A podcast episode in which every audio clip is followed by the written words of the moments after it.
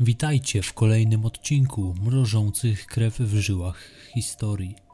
Na wstępie chciałem Wam przypomnieć, że na Facebooku możecie odnaleźć profil True Crime Poland, na którym codziennie publikowane są odcinki z podcastów o tematyce kryminalnej. Serdecznie polecam Wam tam zajrzeć. Być może odnajdziecie tam kanał, którego nie znaliście, a od tego momentu na stałe zagości on na Waszych playlistach. Przyznam, że sam nie jestem w stanie wszystkiego obserwować tutaj na YouTube i często właśnie z tego profilu dowiaduję się o nowych podcasterach. Link do profilu True Crime Poland wklejam do każdego opisu odcinka, więc gdybyście zapomnieli, warto tam zajrzeć. W dzisiejszym odcinku gościnny udział wzięła Ania z kanału Tropiciele Zbrodni, a także poszukiwacze zaginionych.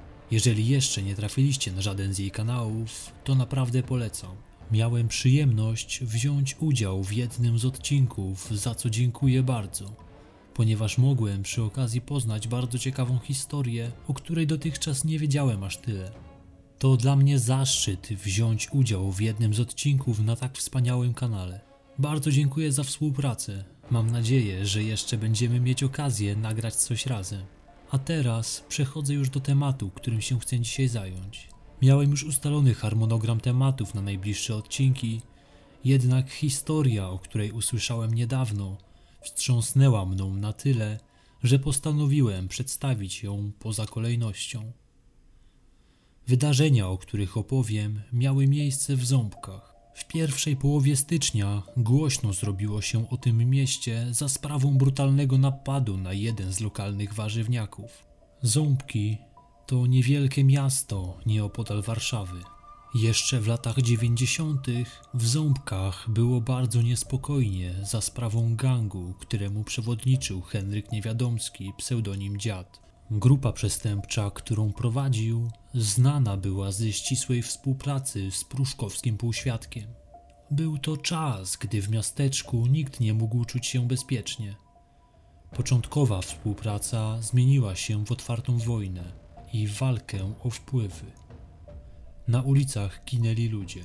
Gangsterzy zaczęli się wzajemnie wybijać, nie bacząc przy tym na bezpieczeństwo zwyczajnych mieszkańców. Doszło tam nawet do zamachu na dziada, w którym zginęły trzy osoby, choć sam obiekt zamachu uniknął śmierci. Z czasem jednak mafia zaczęła tracić na sile. Kolejni członkowie okolicznych grup zostawali aresztowani bądź ginęli. Zaczęło się robić spokojniej, a mieszkańcy mogli odetchnąć z ulgą. W ostatnim czasie jednak zaczęło się zmieniać na gorsze. Policja przestała panować nad sytuacją w regionie. W ostatnim czasie priorytety się odwróciły.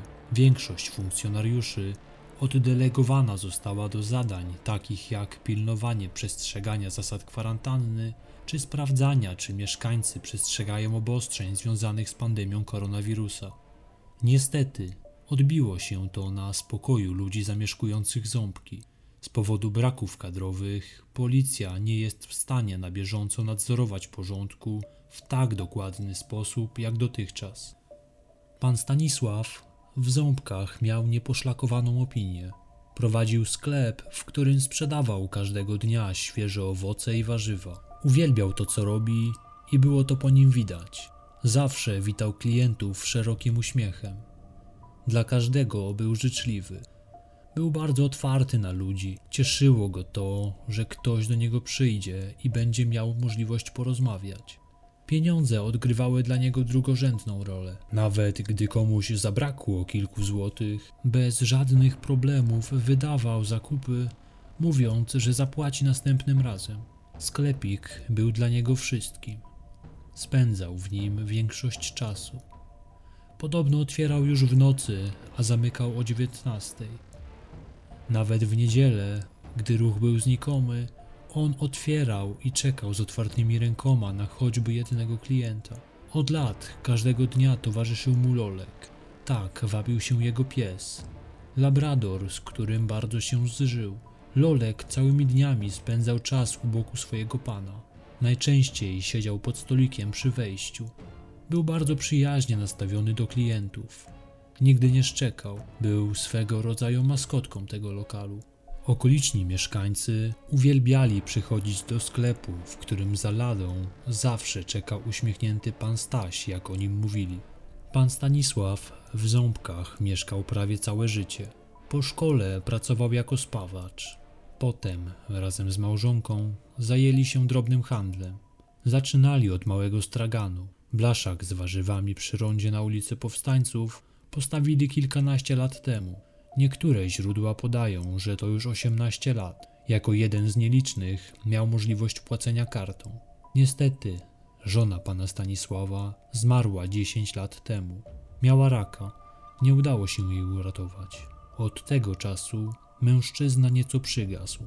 Widać było, że stracił najważniejszą w życiu osobę i jednocześnie umarła cząstka jego samego. Mimo wszystko nie poddawał się. Nadal dzielnie każdego dnia spędzał wiele godzin w swoim sklepie.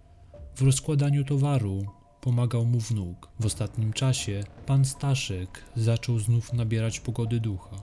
Mówiło się, że to dlatego, że urodził mu się prawnuczek.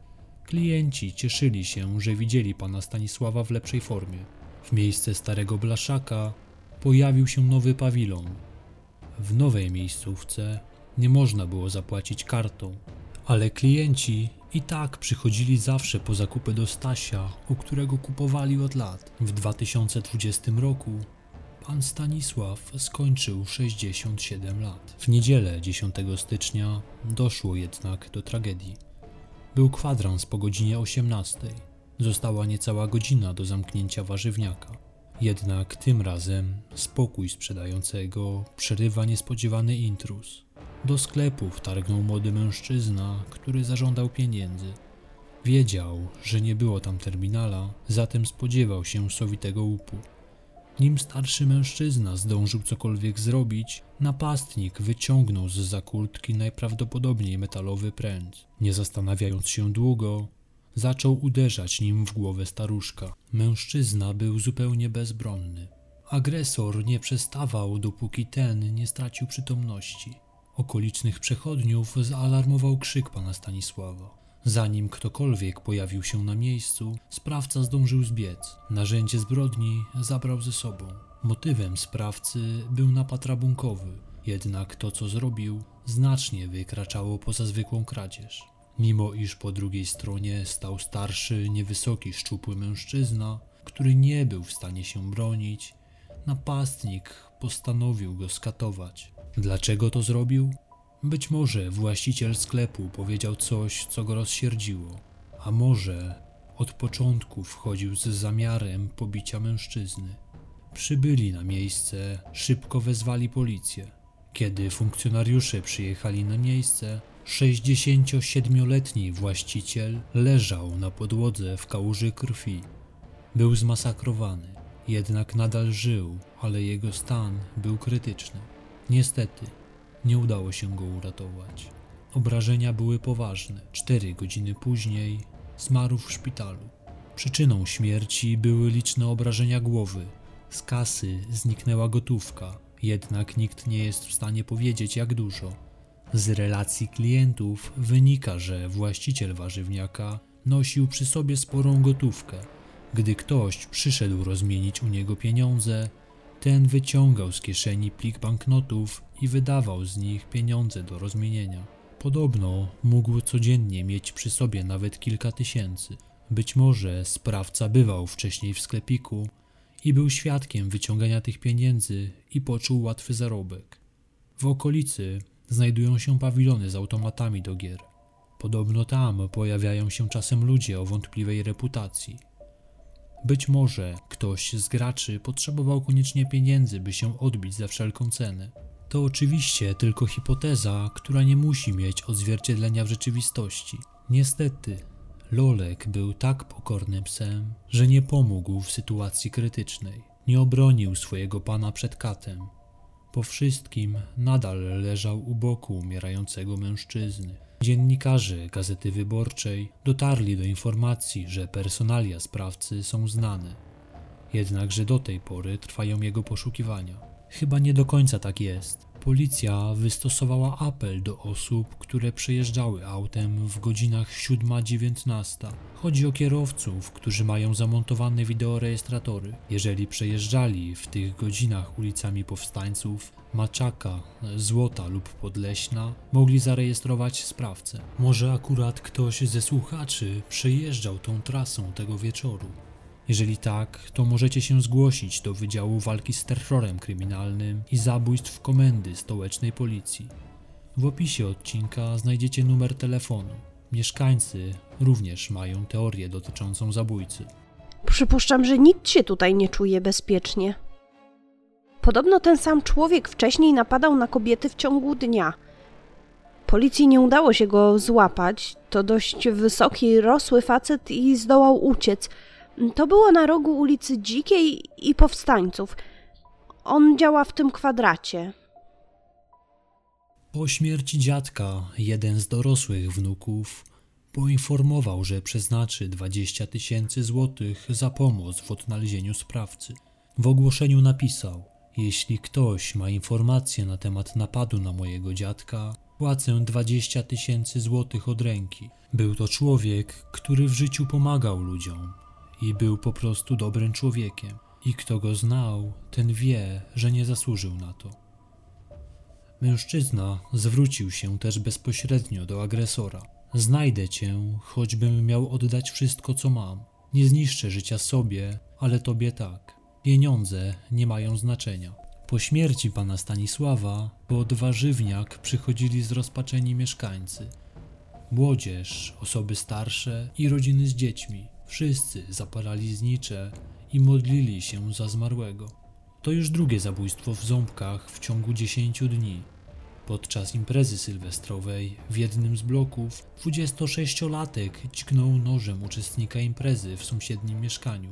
Chłopak nie żyje. Za sprawą zmiany priorytetów lokalnych służb, okoliczni mieszkańcy twierdzą, że przestali czuć się w mieście bezpieczni. Jedna z kobiet relacjonuje wydarzenie, które miało miejsce niedawno. Jakiś czas temu, około godziny 18, dwóch chłopaczków około 18-20 lat y, stało pod samą furtką przy powstańców 27.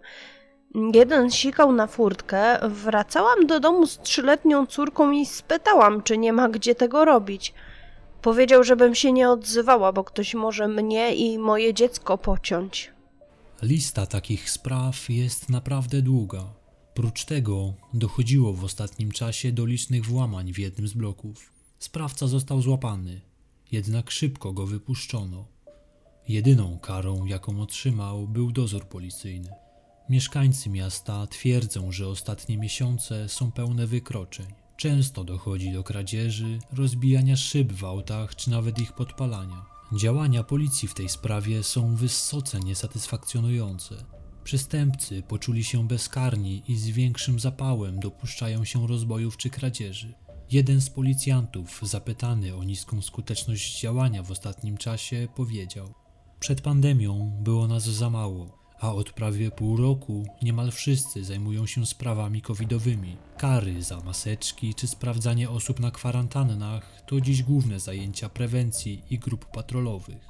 Na patrolowanie ulic zostaje dwóch policjantów. Jak to wszystko wygląda na papierze? Według tego, co przekazuje komendant, przestępczość w 2020 roku spadła względem tego, co było w roku poprzednim. Doszło bowiem do mniejszej liczby przestępstw, a już z całą pewnością do mniejszej liczby interwencji. Oburzeni mieszkańcy z pewnością nie zgodzą się z opinią, że liczba przestępstw zmalała. Przy ulicy Powstańców, gdzie znajdował się sklepik pana Staszka, od dłuższego czasu było niespokojnie. Wielokrotnie zgłaszano ten fakt na posterunku policji. Niestety to nie pomogło. Wydarzenia z 10 stycznia zmobilizowały mieszkańców do samodzielnego działania. Postanowili powołać straż sąsiedzką, która będzie pilnować bezpieczeństwa w okolicy ulicy Powstańców. Mieli już dość braku działań ze strony policji.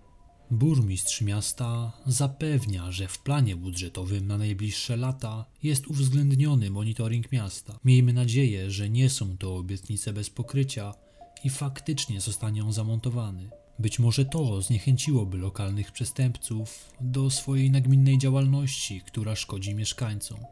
To straszne, co się stało.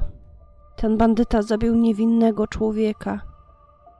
Naszego ukochanego Stasia. Tym smutnym akcentem zakończę dzisiejszy odcinek. Sprawa tego bezsensownego zabójstwa mną wstrząsnęła. Pan Stanisław powinien żyć. Nigdy nikomu nie zaszedł za skórę. Często był wręcz zbyt dobry dla ludzi. Niektórzy to wykorzystywali i nie oddawali pieniędzy za towar, który im dał na kreskę. Poruszyło mną bestialstwo sprawcy. Dla pieniędzy skatował na śmierć niewinnego mężczyznę. Nie zadowolił się łupem w postaci gotówki. Postanowił dać upust swoim pierwotnym instynktom i bestialsko pobił pana Stanisława. Mam nadzieję, że zapłaci za te zbrodnie i to jak najszybciej. Nie mogę też przemilczeć działania policji, która przestała panować nad sytuacją w mieście. Naprawdę szanuję policję. Wiem, że bez niej nastąpiłby chaos. Wiem też, że wielu z ogromną niechęcią wykonuje obecnie narzucane im obowiązki. Dostają przykaz z góry i zadanie musi być wykonane. W tej instytucji nie ma mowy o sprzeciwie. Musisz wykonać polecenia przełożonego. Tylko dlaczego w ostatnim czasie te rozkazy stają się tak prostolinijne i bezsensowne? Ja naprawdę rozumiem, że przestrzeganie obostrzeń jest ważne, ale nie mogę pojąć, dlaczego policja stała się narzędziem politycznym i zamiast pilnować porządku na ulicach, to goni się ludzi, którzy walczą o swoje przetrwanie, na przykład otwierając lokale, które od miesięcy generują kolosalne straty, a właściciele nie mają za co żyć. Nie będę się rozpędzał, bo temat jest wszystkim bardzo dobrze znany, a wiem, że poglądy w tej kwestii są skrajne. A ja szanuję zdanie każdego człowieka. Swoją opinię możecie wyrazić w komentarzach. Proszę jednak o kulturę i nieuleganie emocjom. To już wszystko z mojej strony. Pamiętajcie wpaść na kanał Ani i dajcie znać, czy chcecie jeszcze usłyszeć nas razem, opowiadających jedną z historii. A mój odcinek od kilku dni jest już na Spotify. Zawsze wrzucam tam nagrania z kilkudniowym wyprzedzeniem. Jeżeli nie chcecie czekać zbyt długo na nowy odcinek, to zapraszam Was tam. A tymczasem do usłyszenia wkrótce.